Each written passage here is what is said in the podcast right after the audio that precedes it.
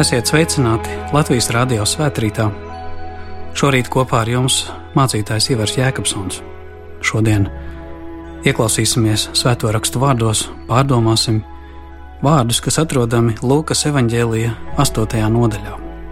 Kādu dienu Jēzus un viņa mācekļi sēdās laivā, un viņš tiem sacīja: Celsimies uz ezera otru krastu, un viņi cēlās pāri. Tiem braucot, viņš iemiga, un ezerā sacēlās liela vētra. Viļņi gāzās laivā, un viņi bija briesmās. Tie piegāja viņam klāt un modināja viņa mācītāju: Mācītāji, mēs ejam bojā!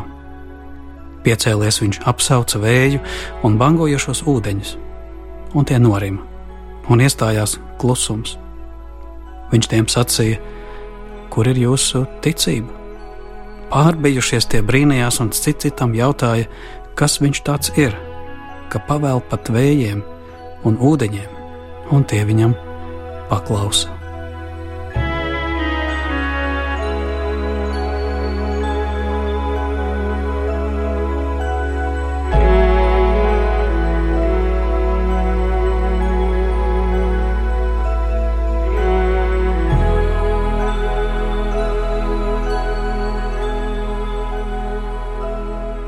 Kungs, Dievs, mēs lūdzam Tevi svētī mūs šī Tava vārda patiesībā.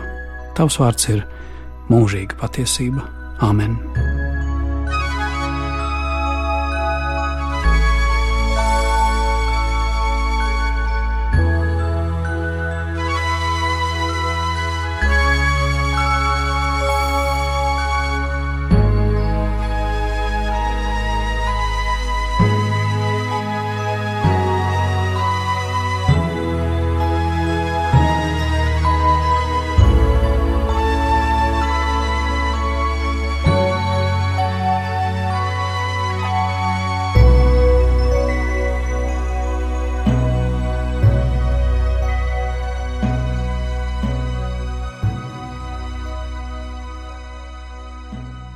Rakstu vietā Jēzus jautā, kur ir jūsu ticība? Tā viņš jautā toreiz izbiedētajiem mācekļiem. Ko viņš ar to domāja? Iespējams, ka tas bija kristīgs optimisms, ka dieva mīlestības spēkā viss taču būs labi, ka vētrā tiem taču nekas nekaitēs. Tā situācija kļuva nopietna tad, kad viļņi sāka smelties laivā Un daudzās mūsu situācijās, ka burtiski ūdens smeļas mutē, mēs saprotam, ka kļūst nopietni un esam briesmās. Tajos brīžos ir šis jautājums par to, kur ir jūsu ticība. Vai tagad es pakļaušos apstākļiem, jeb cīnīšos? Varbūt Jēzus šeit atgādināja līdzību par sinepju graudiņu.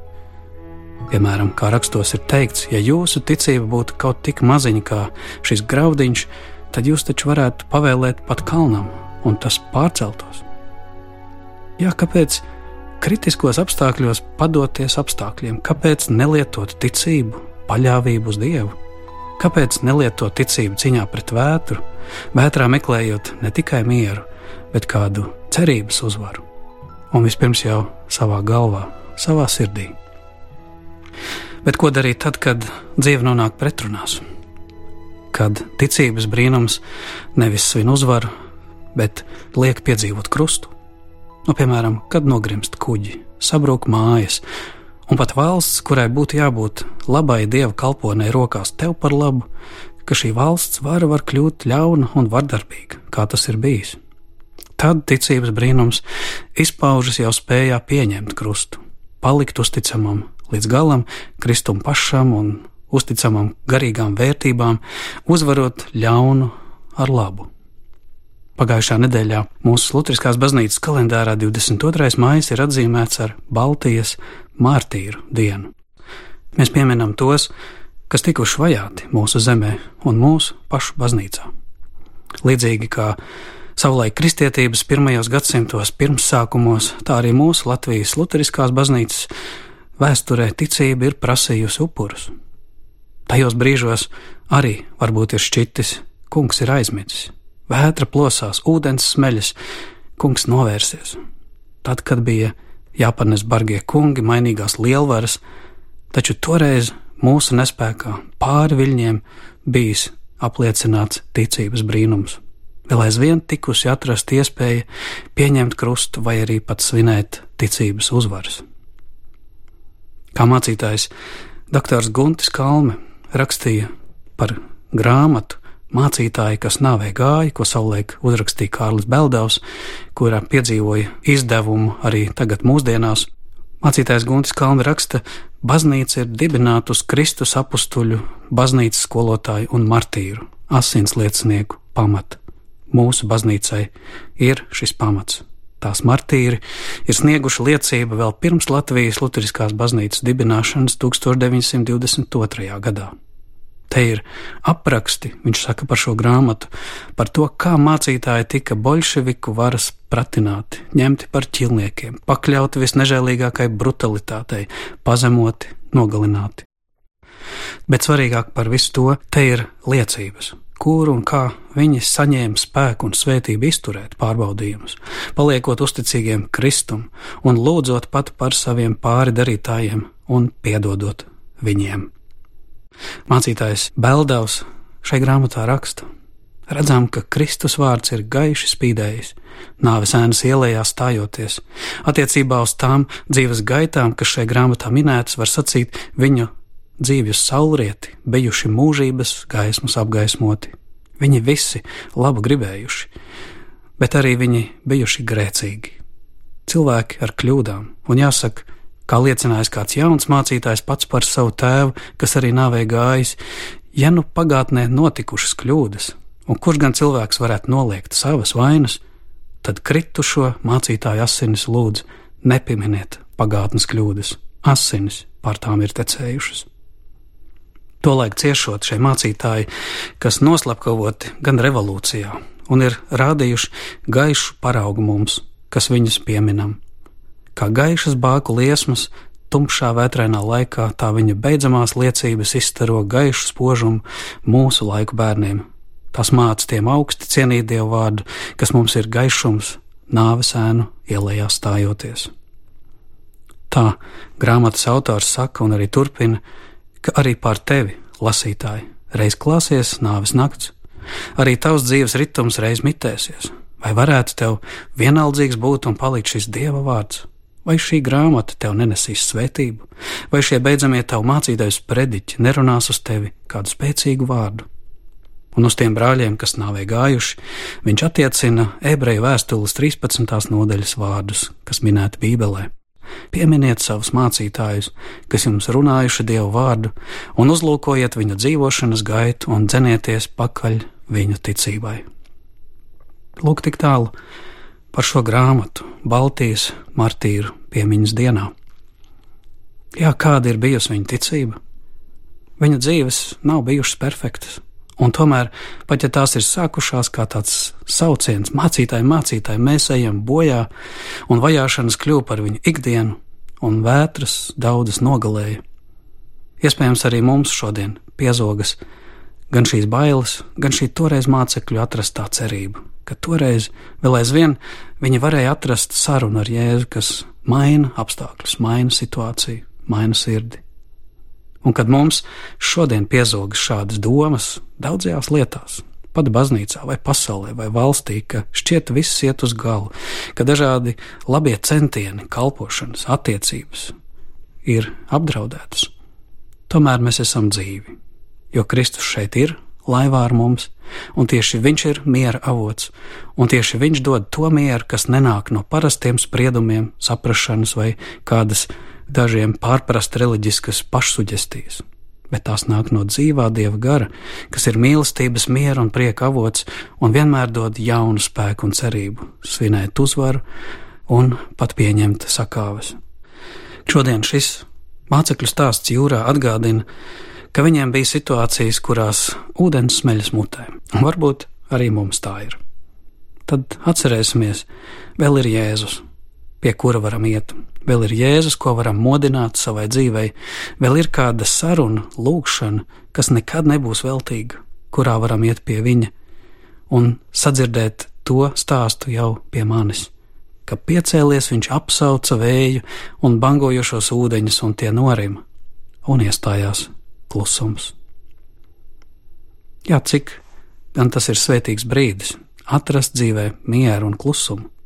Tas ir līdzīgi kā iziet no pilsētas un darba trokšņiem atvaļinājuma laikā, apsēsties pie kāda mierīga ezera spoguļa un raudzīties dabas skaistumā, saredzēt tur savu atspogu un ieraudzīt, ka dieva mīlestība nav tik tālu no mums.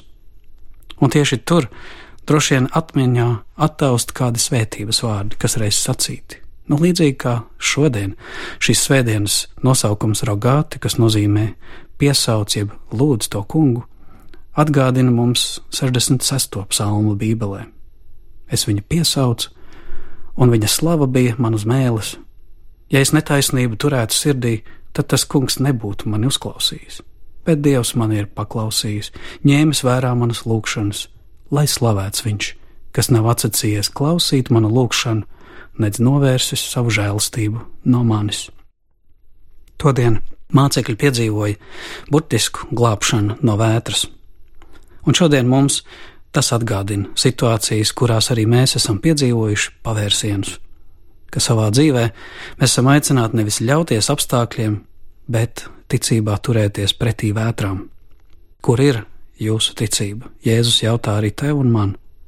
Ak, ja izdzirdam šos vārdus, kur ir tava ticība, tā noteikti nav domāta kā kritika vai bezcerība. Tā varbūt liek domāt mums par mūsu situāciju šodien, bet lai mūs mierina šis Dieva vārds, ka, ar ko tas viss turpinās, ar ko šis jautājums noslēdzas. Proti, iestājas miers un atnāk abrīns par Dieva darbiem, kas pie manis notiek. Mīļie, arī visām mūsu dzīves vēsturēm, diagnozēm vairs nav nozīmes, kad satiekam Jēzu, bet tā kļūst par liecību, cik lielus dievs darbus pie mums katra ir darījis un darīs. Tas ir dievbērnu bērnišķīgais gars, kas spēj sajust mieru pat vētrā un abrīnu par dieva darbiem. Pārbejušies tie brīnījās, cits citam jautāja, kas viņš tāds ir, ka pavēl pat vējiem un ūdeņiem, un tie viņam paklausa. Jā, kas viņš tāds ir? Šis dieva dēls, šis mesija, par kuru tautas viņu sauc, šis Jēzus no Nāceretes. Mēs, mīļie, Latvijas tauta, kas esam lielā mērā liela daļa kristīti, pat iesvētīti. Jā, kas viņš tāds ir mums? Kas viņš tāds ir mūsu kungs un pestītājs, kurš saka, viņam ir dota visa vara debesīs un virs zemes. Un ja reiz viņš tāds ir, ko tas nozīmē tavai situācijai, ko tas maina? Tavām vētrām, tavām cerībām, tavām situācijām, par tavu ģimeni, kad jāpieņem lēmumi darbā, vai arī kad jāpieņem lēmumi kādās vēlēšanās, vēlot un meklējot kādu cerību nākotnē, kam uzticēt mandātus cilvēkiem, nest atbildību pasaulē un mūsu tautā. Ja kas viņš tev ir, kas viņš tāds ir tavai situācijai?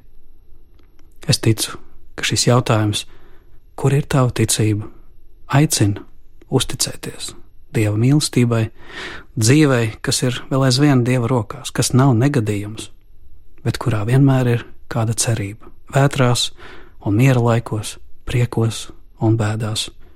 Lai kungs mūs stiprina, lai kungs mūs svētī tieši Jēzus klātbūtnē un Jēzus vārdā. Āmen!